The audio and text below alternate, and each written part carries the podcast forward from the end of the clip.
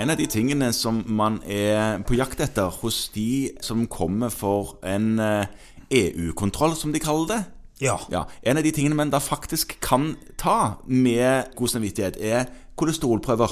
ja, det er relativt ofte fornuftig. Ja, fordi- Ikke hver gang de kommer, men av og til. Av og til, ja. Fordi at eh, kolesterolet gir jo ingen eh, i utgangspunktet symptomer eller plager før det plutselig gjør det om noen år.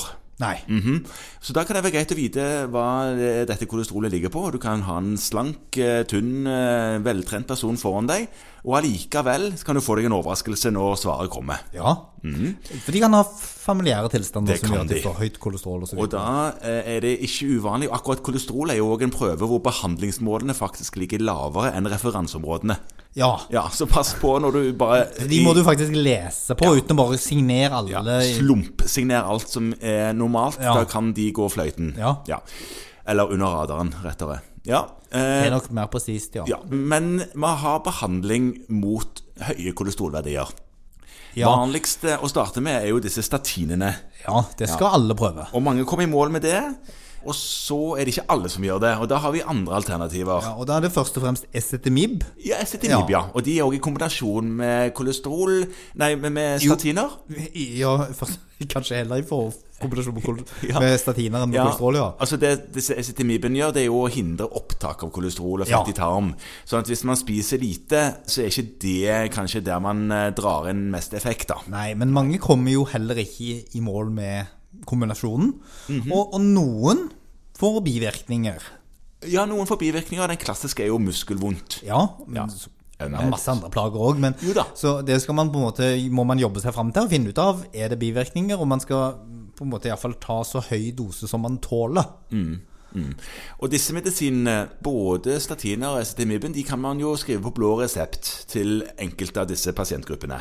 Til de fleste av disse Absolutt. Eh, Men hvorfor maser vi om dette? Er det flere medisiner? Ja, jeg tror du maser om dette fordi det fra 1.1.2023 så kom den nye gruppen som har vært der lenge, altså disse PCSK9-hemmerne, Ja. biologisk behandling mot LDL-reseptorer, den har kommet på blå resept. Før måtte man søke om den hvis man på en måte var ekstremt høyverdig og noen helt få kunne få dette, eh, men nå er det kommet eh, på forhåndsgodkjent refusjon ved noen diagnoser. Ja. Og det er da blitt lavere behandlingsmål, altså innslagsmål. Før var det et LDL-kolesterol over 4, ja. hvilket gjør at det er ganske få som kan få det. Hva er LDL, eh, hva er det nå, da?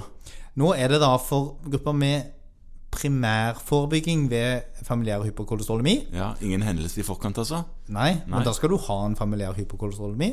Så er det 3,6. Og hvis du har arteriosklerotisk kardiovaskulær sykdom, altså hvis du Jaha. har etablert hjerte-karsykdom uten tilleggsrisiko, altså ellers frisk, men Ja. etablert sykdom, Ja. eh, så er det også 3,6 som er mål. ja, men hvis du ikke har hverken familiære tilstander eller at atrosklerotisk Da hjertesykdom er det ikke forhåndsgodkjent på blå resept.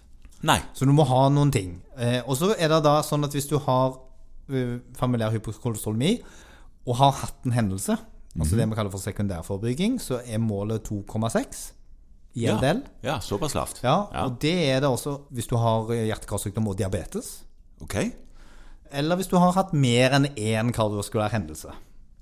Ok. 2,6. Eller gjennomgått hjerteinfarkt. Ja. Så det er altså flere grupper. Nå, vi, nå ingen kan huske dette, så man må gå inn og lese på det. Poenget er vel at det går an å skrive dette legemiddelet på blå resept til enkelte. Ja, og det er det de som på en måte har sekundærforebygging med skikkelig høy risiko, er huskeregelen. Da skal man gå inn og lese på om fyller denne pasienten kravene. Da er målet 2,6. Og så er det forhøya risiko, betydelig forhøya risiko, i primær. Da er det 3,6. Ja. Så er det jo det, da. At eh, det er en liten sånn eh, markør her. Og det er at eh, behandlingen skal startes opp av relevant spesialist. ja. Hvem er den relevante spesialisten? Ja, det er i hvert fall ikke meg. Nei. Nei. Så det er fortsatt at du må innom en organspesialist. Jeg tenker jo at det sikkert er da en Det er i hvert fall kardiologer. Det må være det. Og så vil jeg jo anta at Endo, for- kanskje? Mm. endokrinologer bør få lov til å gjøre dette. De må jo være relevante i forhold til i hvert fall de med diabetes. eh, Iallfall de. Sånn at du, du må nok a- avstedkomme en henvisning til en eller annen Mm. for, å få, for å få det til å starte. Men da kan du fortsette forskrivningen når denne pasienten har starta på det. Og denne forskrivningen, dette legemiddelet, det er en injeksjonsbehandling. Ja. Ja, sant? Så det er litt sånn eh, større terskel eh, å få folk med på, men mitt inntrykk er vel at folk er mindre skeptiske til disse nålene nå enn de var før. Mye mindre. Så, så min begrensede erfaring er at motivasjonen for å få denne behandlingen er høy. Mange av de pasientene som her er re- eh, relevant å, å tenke på, de, de vet om sin høye risiko for Ja. en hendelse, og Ja. tenker at det å få gjort noe med kolesterolet er kjempenyttig. Ja, Og 2,6, da begynner det faktisk å bli en del pasienter. ja det gjør det. Så det å kanskje tenke litt systematisk gjennom Mm. om, om man har noen som man burde revurdert, det kan være nyttig.